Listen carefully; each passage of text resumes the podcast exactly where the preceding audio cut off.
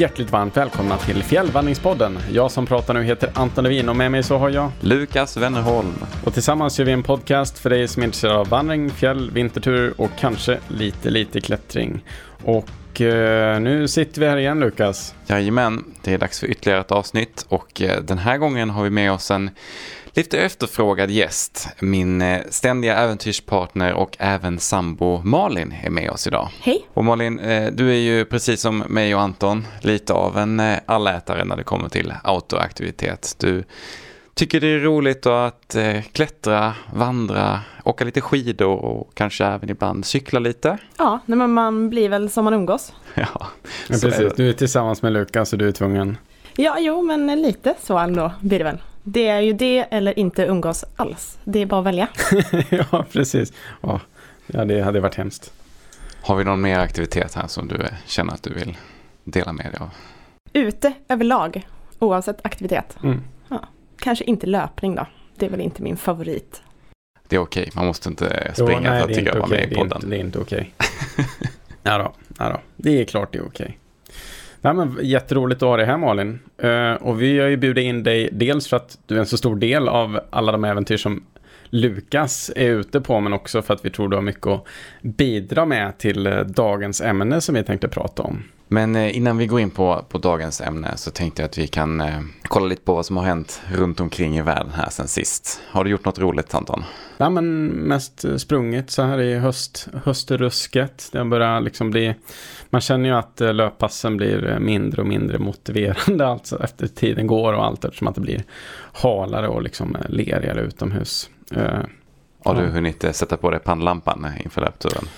Ah, jag tror faktiskt jag har klarat mig från det än så länge. Det, det är liksom eh, på, mor- eller på veckodagarna så springer jag ofta på morgnarna och då blir det stadsmiljö. Det liksom är liksom belyst och sen på helgerna så springer jag när det är ljust. Så än så länge har jag faktiskt klarat mig från det.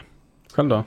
Ja, jag är ju eh, typiskt sett ganska svår, svårmotiverad, framförallt på morgonen. Så att jag brukar ju springa när jag kommer hem efter jobbet och eh, då har det alltid hunnit bli mörkt. Framförallt om man ska äta först. Så att eh, mm, det har blivit en hel del pannlampslöpning. Eh, Hur blir du straffad av hösten Malin? Ja, allmänt omotiverad till att gå ut när det regnar, mm. tänker jag. Nej, jag vet inte, jag försöker cykla till jobbet. Mm har man 12 kilometer så blir det ändå lite, lite motion fram och tillbaks. Mm. Jag tänker, det motiverar mig med att det är nog med frisk luft för en dag. Idag är ju faktiskt en dag jag har sett fram emot väldigt länge, för nu kliver vi över i vintertid. Och det här är ju en väldigt kontroversiell åsikt har jag märkt. Att eh, jag, liksom, jag, jag gillar ju när det blir ljust på morgonen, men de flesta verkar vilja ha sitt ljus på eftermiddagen. Och det håller jag absolut inte med om. Nej men jag tycker att det brukar spela så liten roll. Alltså det går typ två dagar och sen är det lika mörkt ändå på morgonen. så man kan ju fråga sig om det är ja. värt det. Ja, jo. Ja, jag tycker det. Mm. Absolut. Ja, framförallt i början i alla fall. Så det är ganska ja. skönt. När ja. Man får sova ut en, en morgon. Ja. Tack. det händer ju saker ute i världen. Vi alla märker ju av att vi har ju liksom levt i den här inflationskrisen ett tag och det börjar nu märkas av även i, liksom, i vandringssektorn, om man ska säga. Det är nämligen så att eh, AdNatures eh, tyska ägare har lämnat in eh, någon typ av konkursansökan. Och jag säger någon typ av för att jag förstår inte liksom, tysk eh, konkursrätt och så här, men de har liksom ansökt om att sluta betala sina räkningar helt enkelt. Eh, så det är frågan, undrar vad som kommer hända där. När vi spelar in det här så är vi precis i början av november och än så länge så vet vi inte vad som kommer hända. Och eh, för den som inte känner till Nature så är det ju en butik man kan köpa prylar på som säkert vi alla tre har köpt en hel del ja, saker från. Precis, Nej, men det är en av liksom Sveriges större så nätbutiker som är lite mer eh, specialiserad på olika sporter. Spännande är väl fel ord, men eh, vi får väl se vad som händer här. Jag vet att deras, här, de har en cykelbutik också som heter Bikester som, där man har skrivit att de inte tar emot några returer och det är ju lite så här illavarslande så vi får ju mm. vi får hoppas att våra, våra kära butiker ute klarar sig. Ja, det vore trist om man inte kan eh, köpa sin vandringsutrustning innan man ska ge sig ut. Ja, precis. Och samtidigt så har vi sett att det har, det har skett ett, att man ska varsla anställda på Trangia. Och eh, så att det är liksom, ja men det rör på sig i den här sektorn och vi ska inte konsumera i onödan, men fan nu får vi, nu får vi skärpa oss lite. Det är så här dåligt ska det inte gå. Så, så vill man eh, köpa nya prylar så är det kanske nu det är dags att göra det. ja, precis, precis. Behöver ni inte ett till kök hörni? Ja, precis. Till. Precis. Köp Trangia. Jag har faktiskt ett Trangia-kök men jag har inte använt det på väldigt, väldigt länge. Och jag tror ju att Trangia-köket är eh, en grej som passar perfekt in i dagens tema. Vi tänkte ju att vi ska prata lite om hur det är att bo i van eller en campervan. Uh, och vi tänkte också prata lite om hur det är att bo i taktält. Ett, som jag och Malin har införskaffat inför ja, vår sommarsemester som vi hade det här året. Och på den här typen av äventyr så passar ju lite så här ett större, mer gedigna kök som tränger ganska bra. Det står stabilt på backen. Precis.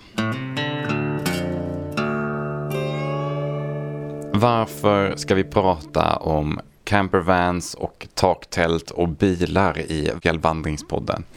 Hur passar det in? Jag har, ju, jag har ju levt båda liven så att säga. Jag har ju en campervan nu och tidigare så det är inte det. Och jag måste säga att sen jag skaffade det så har det har ju tillgängliggjort naturen mer för mig. Jag spenderar ju fler dagar på fjället eller ute och vandrar, fast på ett annat sätt liksom. Det är framförallt så tycker jag det är lättare att ta sig tid att göra lite längre turer än vad det var tidigare. Tidigare blir det mycket så här, ja men man måste planera väldigt mycket och det är massa kollektivtrafiksanslutningar så det man orkar inte ta sig an lika stora projekt medan nu är det bara åk till starten och sen så tar bussen tillbaka om det är så att det behövs men annars så kanske man kan ja, lösa det på något smidigt sätt. Jag tänker även att det är eh, till, alltså, möjliggör mindre eh, projekt.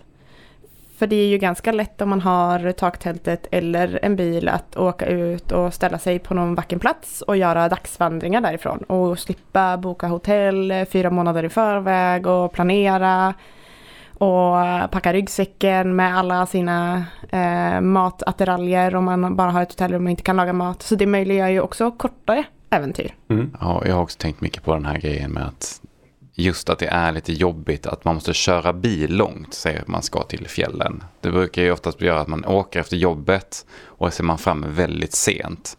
Eh, och dagar som, och de, de tillfällena vill man ju gärna antingen sova på en eh, på någon fjällstation eller fjällstuga eller liknande.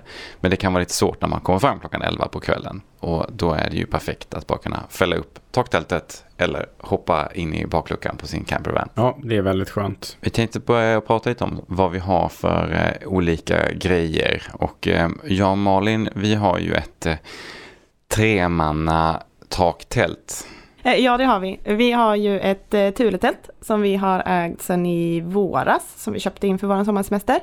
Ett Tepui Kukenam heter det. Det är typ deras eh, mellanstorlekstält. Det är inte det största, det är inte det minsta, men, eh, men det passar bra för att vara två, men man kan även vara tre personer i det. det nästa storlek, kommer det med vardagsrum då? Aha. Eller, är det, eller, eller är det bara ett stort utrymme? Faktum är ju att alla de här tälten kan ju ha ett påbyggnadsvardagsrum utanför, ja. som ett förtält. Mm. Men vi har inte det på vårt. Och man kan väl också säga att det är ju ett Eh, det är synd att säga att det är ett standardtaktält, men många av de vi har sett har ju samma typ av design oavsett vilket märke man köper. De kommer i lite olika storlekar med lite olika förtält, med lite olika färger, men de ser oftast väldigt lika ut i designen. Och det som symboliserar dem är väl ofta att det, det är som att fälla upp en fjäder från taket. Det, det, det blir mm. som en halvcirkel när man fäller upp det upp över taket. Vilket gör ganska, ett ganska brett och ganska stort utrymme om man jämför med eh, ett tält man ställer på backen. Mm. Ja, det är en pop-up-tält.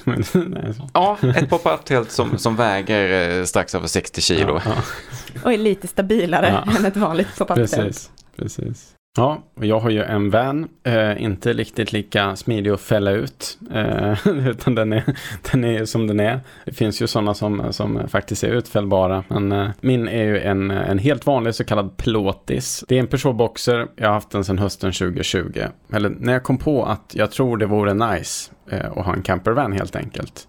Eh, och det slog väl samman lite med att jag hade bott i Emma Svenssons eh, liksom van ett tag när vi var ute på lite äventyr och sen så, eh, så ja, men liksom utifrån det så konstaterade jag att det här var ju nice, eh, kunna liksom ha med sig all utrustning, kunna bo på olika platser och känna sig lite mer fri och inte så begränsad.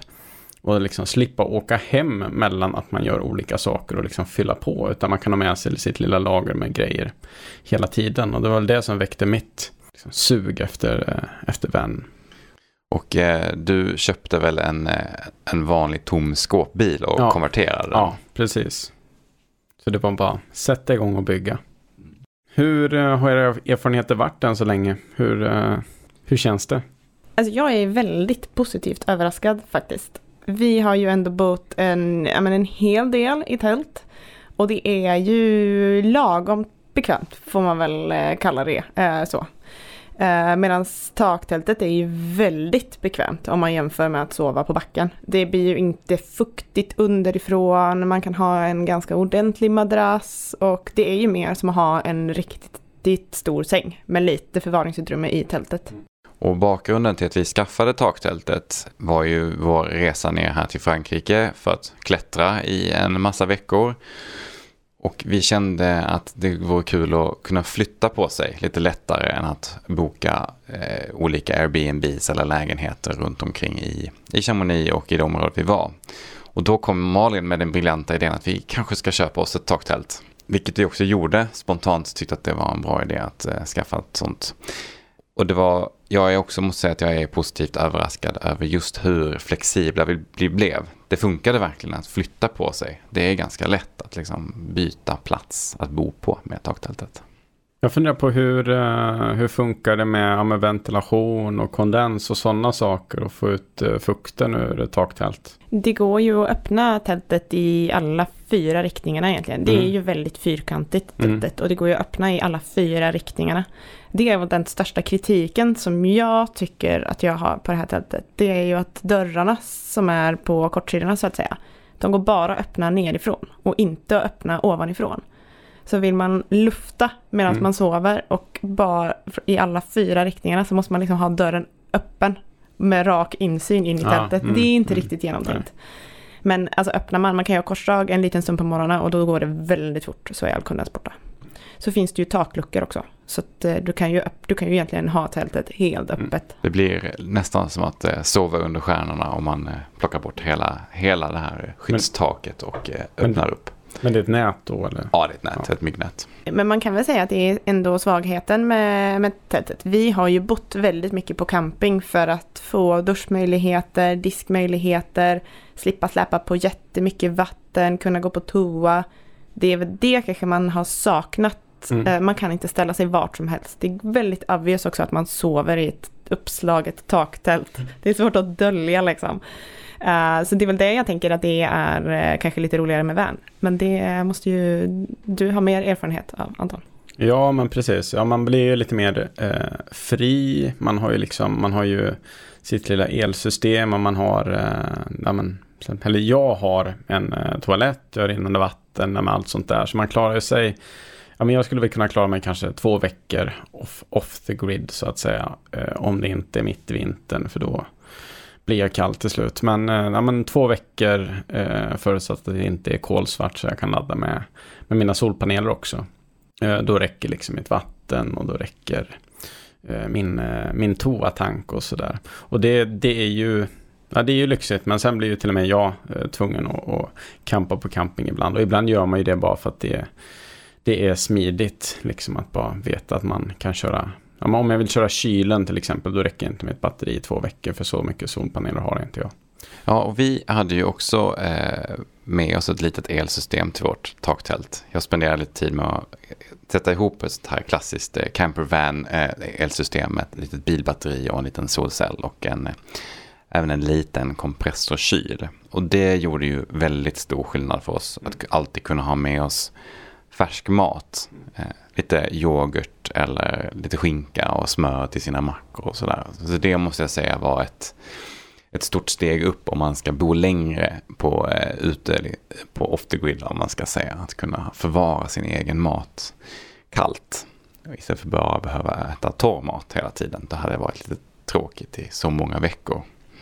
Nej, men det förstår jag verkligen. Det, men jag tycker ba, ba, bara, bara lyxen att kunna äta, ja, men åka runt och faktiskt ha färsk mat och inte vara begränsad av att man måste bära saker Mm. runt omkring. Det är ju det som liksom är lite av lyxen. Så även om man inte har kylskåp så kommer man ju väldigt långt på produkter som håller några dagar i liksom rumstemperatur.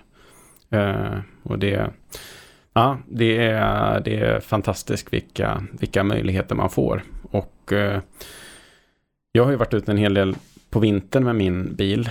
Den är ju liksom eh, fullisolerad och eh, då behöver man ju inte ens köra kylen. Det är ju liksom det, det lyxigaste att då kan man ju faktiskt eh, dra nytta utav, utav vintern. Man får bara vara lite försiktig så man inte djupfryser allting för då blir väldigt, får man bränna väldigt mycket gas för att tina sin mat. Men jag tycker nästan vintern är allra najsigast att komma ut med bilen för att då är det ofta, ja men när man vandrar eller, sen, eller när man ska ut och vandra då är det ju ofta så att man vill ta sig ganska långt ifrån sin bil. Uh, I och för sig, är man klättrare då kan det vara så att man gör mycket dagsturer och sådär. Men jag tycker det som skidåkare det blir ju väldigt mycket som som klättringen, att man kan nöja sig med att ta sig några kilometer från bilen och sen tillbaka och liksom värma sig på kvällen och sådär. Och det tycker jag är riktigt trevligt. Eller man kan liksom eh, åka till en skidort och, och liksom kliva upp på morgonen och gå rakt ut till liften eh, och slippa betala liksom flera tusen i hyra för att vara där en vecka. Eh, så det är, man, man, eh, man glider undan väldigt mycket extra kostnader. Sen blir det ju, å andra sidan så tycker jag att det det går inte att säga att man sparar pengar på att ha en van.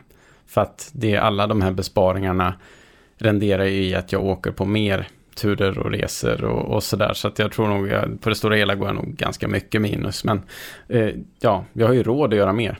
Så det, det tycker jag är ett riktigt plus. Vi använder ju bilen och taktältet ganska mycket typiskt till att stå en natt på camping eh, i ja, i Frankrike då. Och sen på morgonen så har vi fällt ihop tältet eh, och hoppat in, packat ihop allting, hoppat in i bilen och så har vi kört ut till en, en klätterklippa eller en eh, startplats där man eh, gör sin approach för att komma ut eh, på vandring eller en klättertopp som vi har varit på. Och den här, det har verkligen varit smidigt att kunna göra det. Har ni, har ni funderat någonting på, eller har ni använt den någonting nu under hösten? Prövat det? Uh, nej, det har vi faktiskt inte. Men det finns ju ett helt stort uh, taktält-community på Facebook. Ja. Uh, och där finns det gott om historier med olika typer av värmare för att hålla tältet varmt. Folk, folk taktältar ju året runt. Ja. Så är det ju. Och det som är så bra med taktältet kan man ju tänka sig mot ett vanligt tält. Det är ju att täcken och kuddar får ju oftast plats i tältet. Mm. Så du kan ju ha ordentliga duntäcken och en ullfilt och sådär. Så du behöver ju inte frysa i tältet även Nej. när det blir kallare ute. Någonting vi kanske ändå la märke till som jag tror eh, skiljer sig mellan att ha vanen och tältet är ju att just det här när man kommer tillbaka efter att ha varit ute på sin tur eh, så är det ju fortfarande bara ett utrymme med mm. en stor säng eller sovplats. Så är det dåligt väder, säg att det regnar eller är mm. väldigt blåsigt eller sådär, så har man inte riktigt något skydd för mm. när man ska laga mat eller så. Om man inte har ett väldigt stort förtält då. Ja. Vi har ju inte haft ett förtält, vi har ju haft en tarp. Och det blir ju bara det liksom skyddet som en tarp erbjuder. Men det finns ju rejäla förtält om man skulle vilja lyxa till det. Liksom. Och den främsta anledningen till att vi inte har det är ju av platsbrist. För att vi eh, hade hela bilen full med klätterutrustning som det var. Så att eh, det fanns inte på kartan att förvara ett, eh, ett förtält antingen i bilen och inte heller i tältet mm. eftersom den var full med, med alla täcken och kuddar och allt annat. Ja, men jag har ju på, på min bil finns det ju på taket som lastfästen. Och där brukar jag fästa en, eh, jag, jag kör det absolut billigaste man kan göra, jag liksom fäster en presenning där och spänner ut. Men så jag har köpt sådana tältstänger som man liksom kan bygga ut så de blir väldigt långa. Så spänna ut en presenning med dem och sen förankra i backen och då får man ju liksom som ett litet förtält i mitt tält. Bara att, ja, men så ett riktigt förtält för en husbil eller så, det kostar ju flera tusen. Det här kostar ju liksom 150 kronor. Eh, och det, det, ser, det ser ju väldigt billigt ut men det funkar ju fenomenalt. Mm. Liksom, så länge det inte är stormvindar ute och då ska man nog inte ha ett husbilstält heller. Så att, ja men det tycker jag, ja men även för campervan så vill man ju ibland ha ett litet förtält utomhus. För det är inte så att man har överdrivet mycket utrymme där inne och leva, leva om sig så att säga. Men det har fascinerat mig när vi är på campingar. De här Att man kommer själv dit, man har liksom en bil, en van eller ett tält. Man har enkel campinguppsättning, man är, man är liksom där för att vara mobil. Det är hela syftet med fordonet. Och så ser man de här husvagnarna med staket runt, de har hängt ut blomlådor. Det är liksom en, en helt annan typ av eh, campingliv man lever. Det är ju mer som att man har med, man har med sig en mobil semesterstuga som man är på väg ut till. Och... Ja, men det, det, är ju liksom, det är ju som en kombination mellan att ha en stuga och en hyresrätt. För det, ja, men, i Sverige så tittar vi på liksom campingplatser och jämför det med att hyra, hyra boende eller hyra stuga. Så är det ju, det är ju svinbilligt. Alltså någonstans skulle jag säga att ja, men, vintersäsongen, och det är ju liksom på många ställen norröver så är det den dyra säsongen, så kan du komma undan med ja, men mellan 12 och, och 16 000 kanske för ett halvår. Och så ja, men lite mindre under sommarsäsongen och då det blir en ganska, det blir en ganska låg hyra. Men det är också samma, alltså på somrarna så är det ju samma sak och nere i Europa. Vi har väl betalat ungefär 15 euro per person och natt när mm. vi har varit i Italien och Frankrike. Ja, i snitt. Ibland lite mindre och ibland mm. lite mer. Ja för en plats där man ändå kan ställa ut bord och dusch och vatten och, och toalett. Det är väldigt mycket billigare än om man ska Airbnb eh, två personer i en vecka. Och för att inte tala om det faktum att man fastnar i sitt Airbnb-boende. Har man, har man hyrt en dyr lägenhet då vill man ju inte åka ifrån den. För då känner man ju ändå att man har lite commitment här. Ja, jag har betalt för den så nu vill jag inte åka bort någon annanstans. Men har man tältet så kan man ju känna att ja, ja, men då är det bara att flytta på sig eller hyra en plats på en annan camping eller åka upp och bo i en, någon fjällstuga någon natt eller sådär. Men när ni eh, drar ut med ert eh, taktält då, vad, vad är det för grejer ni plockar med er? Eh, stol och bord, viktigt. Att kunna sitta skönt och laga mat. Det är väl ändå en lyx som man ska unna sig, tänker jag, när man ändå har bilen med sig. Eh, kyl, som sagt för att kunna ha färsk mat. Eller jag tycker det är väldigt gott. Jag har ju mjölk i mitt kaffe till exempel. Det är gott att inte ha torrmjölk. Eh, och kök. Vi har ju kört med Triangaköket. Jag skulle rekommendera riktig, två sådana riktiga gasplattor. Det är mer värt än Triangakök. Men nackdelen med det skulle ju vara att det tar ännu lite mer plats. Det är ju därför vi har haft Triangaköket bland annat. Då.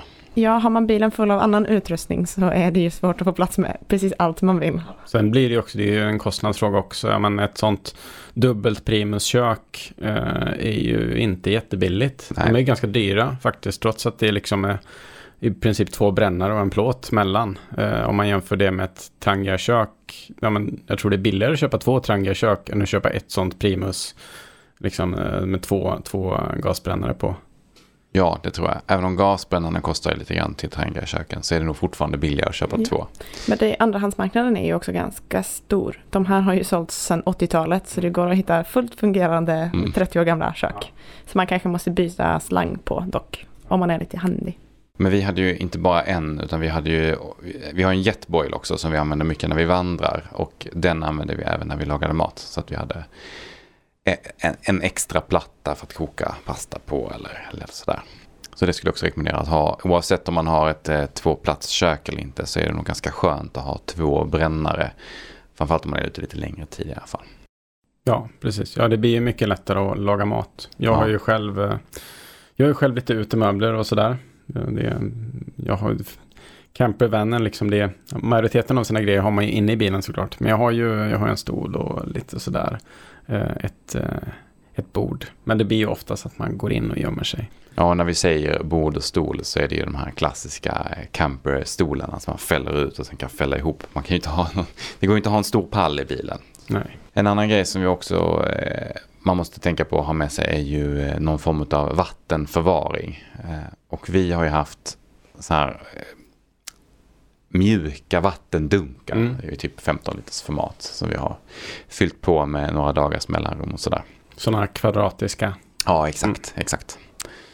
Och det har funkat ganska bra. De är ju lite mäckiga att ha att göra med, men de, är ändå, de tar mindre plats i bilen, framförallt mm. efterhand som de blir tomma jämfört med en, en, stor, en stor fast hård dunk. Mm.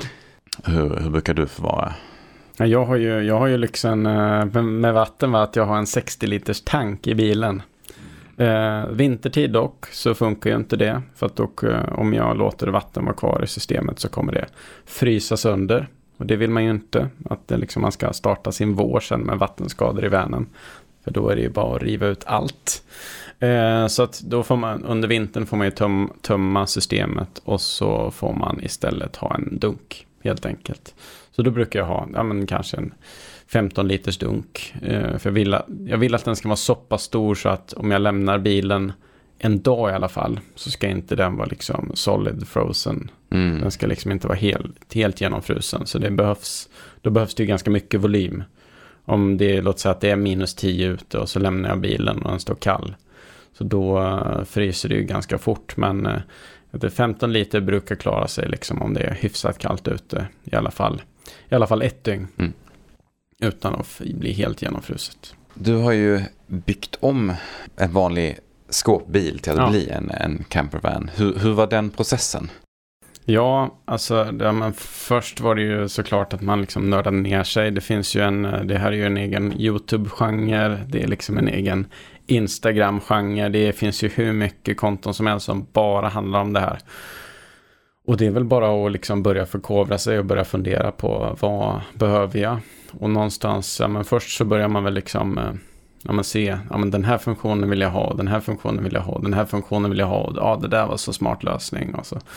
Någonstans så, ja men i början så det blir bara mer och mer avancerat och sen så börjar man väl med, börjar man väl skala ner det där och tänka på, ja, men vad, vad klarar jag av att bygga? Vad är liksom rimligt? Och sen så Började man väl leta efter ett fordon. Och jag, när jag hade köpt min bil så jag, jag ritade liksom en, en idé till en layout och sen så tejpade jag. Liksom här ska det här skåpet vara och här ska det här vara och här ska sängen vara på golvet. Så jag satte tejp överallt, maskeringstejp. Och även på väggarna så att man liksom kunde låtsas att det var väggar här. Okej, okay, men här kommer jag gå, här kommer jag sitta. Funkar det här? Typ. Eh, och eh, nej, så det var väl så jag liksom började komma igång och sen så byggde jag min, först, min första, liksom, ja, den här bilen första gången och sen så valde jag att riva ut allting och byggde en gång till. För det är väldigt svårt att veta eh, med van hur det är att leva på, ja men vad blir det, typ 6 kvadratmeter eller 5 kanske. Det är väldigt svårt att veta hur, eh, ja det måste nog nästan vara 6. Men ja, det är väldigt svårt att veta hur eh, det är att leva på så få kvadratmeter innan man har gjort det. Det är så svårt att veta hur, vad man kommer använda, vad man inte kommer använda. Till exempel, jag hade ett uppfällbart bord i min säng. Så att det liksom så här, ja, när man inte sov så kunde man fälla upp det och så fick man som en U-soffa. Eh, och det känns ju väldigt smart. Det är liksom utrymmeseffektivt. Men det är jättejobbigt att använda.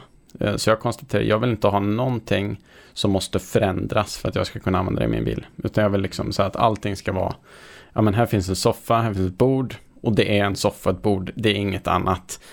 Här finns en dusch, så jag byggde en dusch eh, där det står en toa i. Det är väl det enda att man får ta ut toan för att duscha.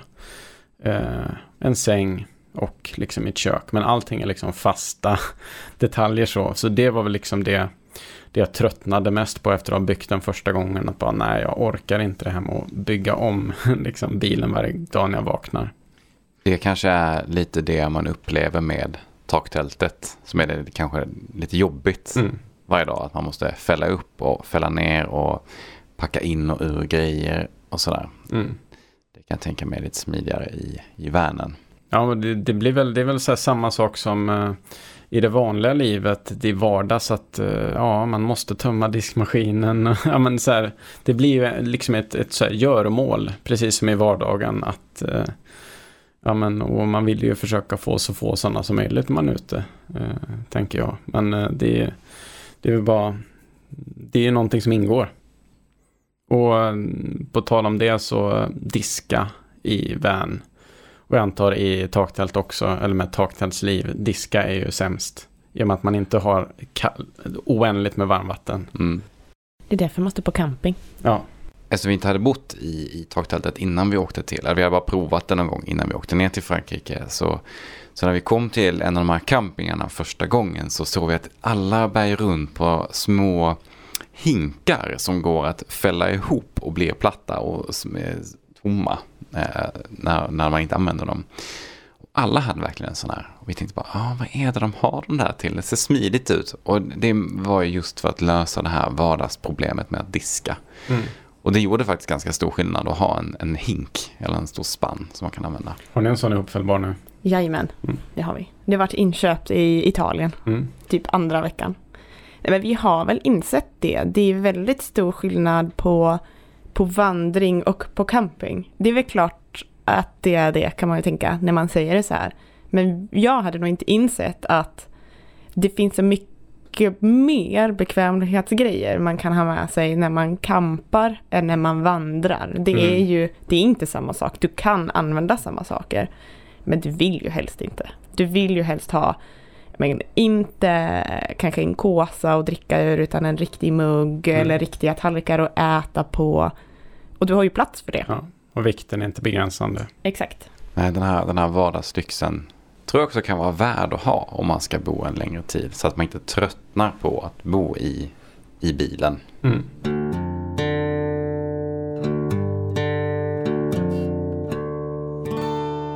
Men eh, hur, hur, lång tid skulle du säga att det tog för dig att bygga om bilen? Hur länge höll du på? Ja, det där är en ständig fråga jag får. Och jag tror att, ja men, låt säga att eh, sist, sist, ja men andra gången jag byggde om den, låt säga att det kanske tog, eh, ja men mindre än 100 timmar skulle jag säga.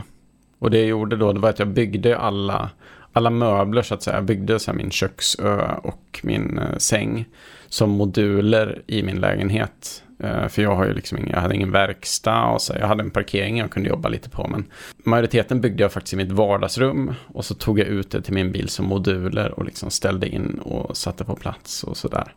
Eh, så det underlättade processen och liksom ha lite yta att jobba på om man inte, ska, om man inte har en verkstad att tillgå eller sådär. Ja, det är ju lite meck det här med att hålla på med ja, men ett vattensystem och pump och, och el och sådär. Nu har jag fördelen att jag är elektriker i botten, eh, även om jag inte jobbar som det idag, så att man liksom hade ju lite grundläggande förståelse för, för bägge de här, så att det hjälpte väl absolut. Men det är ju inte, det är inte jättekomplicerat ändå att sätta sig in i om man, om man vill. Men det är dyrt med batterier, ska sägas. Ja, vi köpte ju något så här enkelt eh, Biltema syra batteri som mm. man är lite orolig för att det ska spränga läck i bilen. Mm. Men eh, vi byggde en rejäl låda och stoppade ner det i så att då kändes det ändå hyfsat säkert. Tyckte jag i alla fall.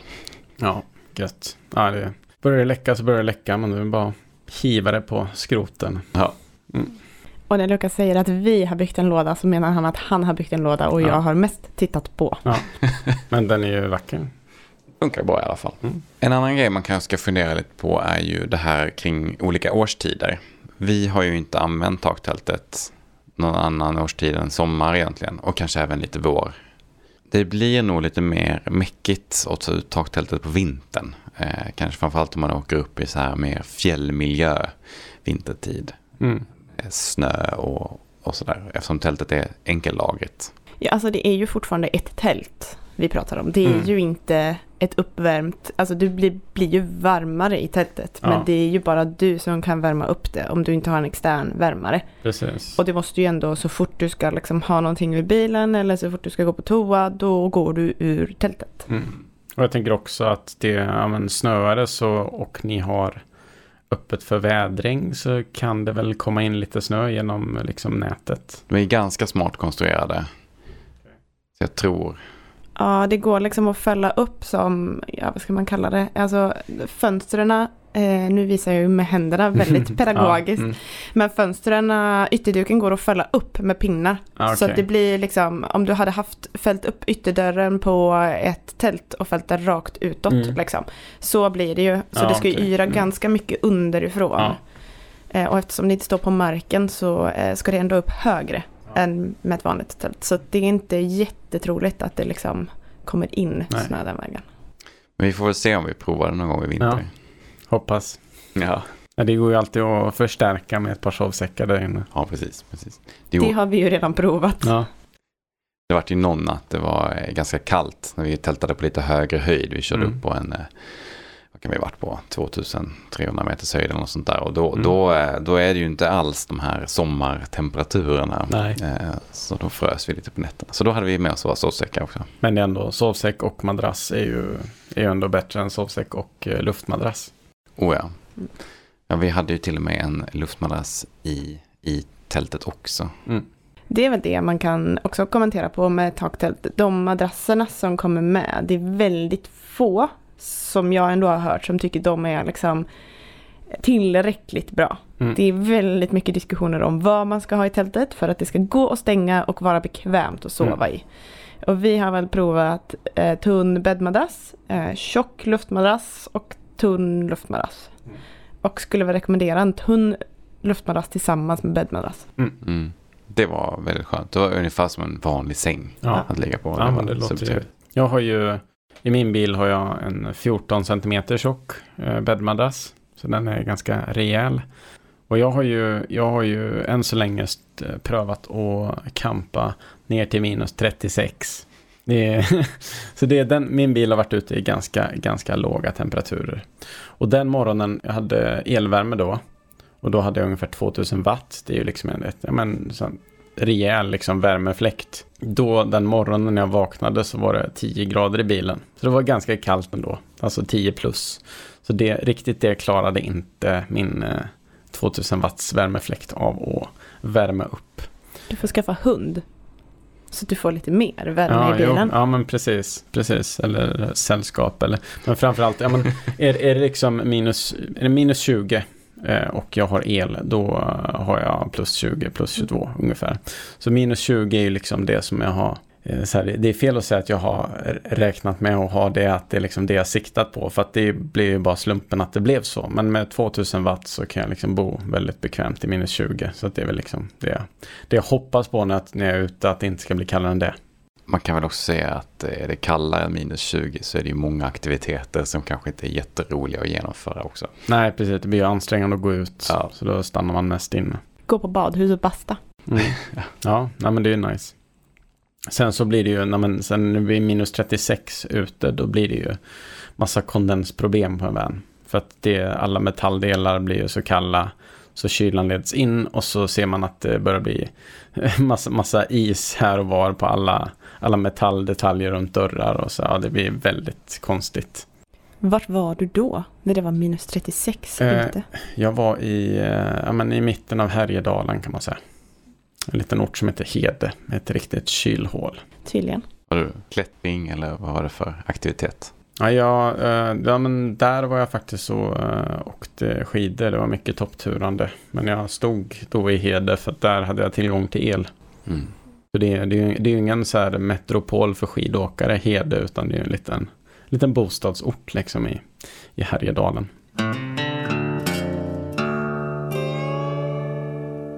Så om man ska summera ihop det lite grann, eh, de olika för och nackdelarna med både det ena och det andra, så skulle jag säga att en, en av fördelarna med just tältet är ju att det är ganska, ganska litet insteg. Det är hyfsat lätt att komma igång och köpa ett taktält. Det är inte Mm. riktigt en lika stor investering som att köpa en bil. Mm. Men det kommer ju med eh, några nackdelar eller saker man måste tänka på. Bland annat så är ju ett av problemen är att man inte får lov att stå riktigt hur som helst runt omkring i, eh, i, eh, i Europa. I Sverige är det ju okej. Där får man ju stå och sova i, i sin bil eller på sitt taktält. Det spelar egentligen ingen större roll. Mm. Men i Europa så, eh, så är det skillnad på om man bor i ett tält eller om man bor i bilen. Mm. Och för att man, åtminstone i Tyskland så får man ju sova en natt i sin bil och även i Frankrike. Mm. Men ett tält är väl lite tveksamt om det räknas som att man frikampar eller inte. Ja, okej. Det är väl en av nackdelarna då. Ja, knepigt. I Sverige är man ju ganska fri när det kommer till campervan. Det finns ju vissa kommuner som har infört eh, begränsningar, alltså västkusten, Bohuslän till exempel, där det finns begränsningar för, för eh, husbilar och sådär. Men i övrigt så är man ju hyfsat fri med att stå lite eh, vart man vill. Och i, ja, men i alla fall stora delar av Europa så är man ju också hyfsat fri. Men det finns ju begränsningar i vissa städer och vissa länder också. Men det är ju, ja, reglerna skiljer väldigt mycket från land till land. en, en van är ju också lite mer anonym än ett tält. Ja, precis. Om man inte ställer ut grejer så att det ser ut som man campar kan man ju komma undan med att man bara är parkerad där. Om man är lite diskret.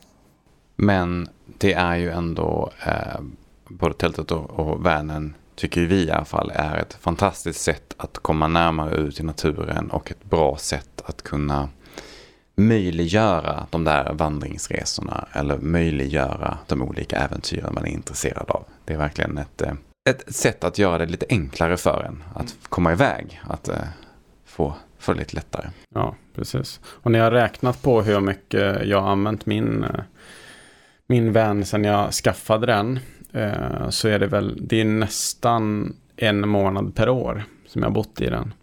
Eh, och det är ju liksom, jag tror att det är väl en stor sak som är, om, om, man, om man funderar på om man ska skaffa en, ja men ett taktält är ju inte en lika stor investering. Men ska man skaffa en campervan då tänker jag att man behöver verkligen ha möjlighet till att liksom vara lite flexibelt ledig eller vara långledig och vara beredd att lägga mycket av den långledigheten på. Och liksom bo i den, för annars kommer den ju liksom, det är en så stor investering så det blir ju liksom ganska onödigt annars. Tänker jag. Ja, det känns ju trist att ha en campervan som står på parkeringen majoriteten ja. av tiden. Då får man åtminstone skaffa sig en fast camping och bygga den lilla boden vi pratade om tidigare. Ja. Och eh, du har ju bara en bil va? Ja, precis. Det är ju, men det är ju många som frågar det, liksom, kör du runt i den där? Och det är ju liksom, det, det får man också fråga sig, man, så här, behöver man en till bil? Eh, för att det bara är två eller tre säten i den här liksom, plåt, plåtbilen.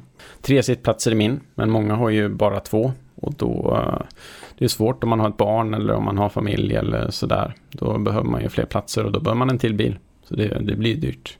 Sen drar den väl ganska mycket också per mil om man jämför med en, en lite mindre bil. Så åker man mycket till vardags så blir det ju inte ekonomiskt hållbart heller kanske att alltid åka van. Nej. Till Ica och till jobbet och vad man ska. Precis. Min drar väl ungefär när jag kör medvetet och aktivt på liksom landsväg eller motorväg så ligger jag på ungefär 0,75 kanske per, eh, per mil. Men då är det ju diesel också. Jämför man med bensinbilar så är, ju, så är det ja, då är den ju inte så törstig så att säga. Men jämför man med dieselbilar som är liksom snåla, någon så här, eh, så då blir det ju, då drar den ju väldigt mycket. Så Malin, kommer vi behålla taktältet eller kommer vi gå van? Vad tror du? Jag vet inte riktigt faktiskt. Jag har inte bestämt mig än. Vi får väl se. Ja. Vad är det som, vad är det som skulle locka med att byta? Alltså det som lockar mig är ju att man har allt man behöver i vanen. Det har man ju inte i tältet. Uh, I Sverige går det ju kanske bra för att man, eller i Norden, för att man står liksom mer i vildmarken. Men ska man ut liksom i Europa så är det finns väldigt lite vildmark. Mm. Det är oftast parkering, det är ganska mycket turister, det är svårt att komma undan. Mm. Liksom.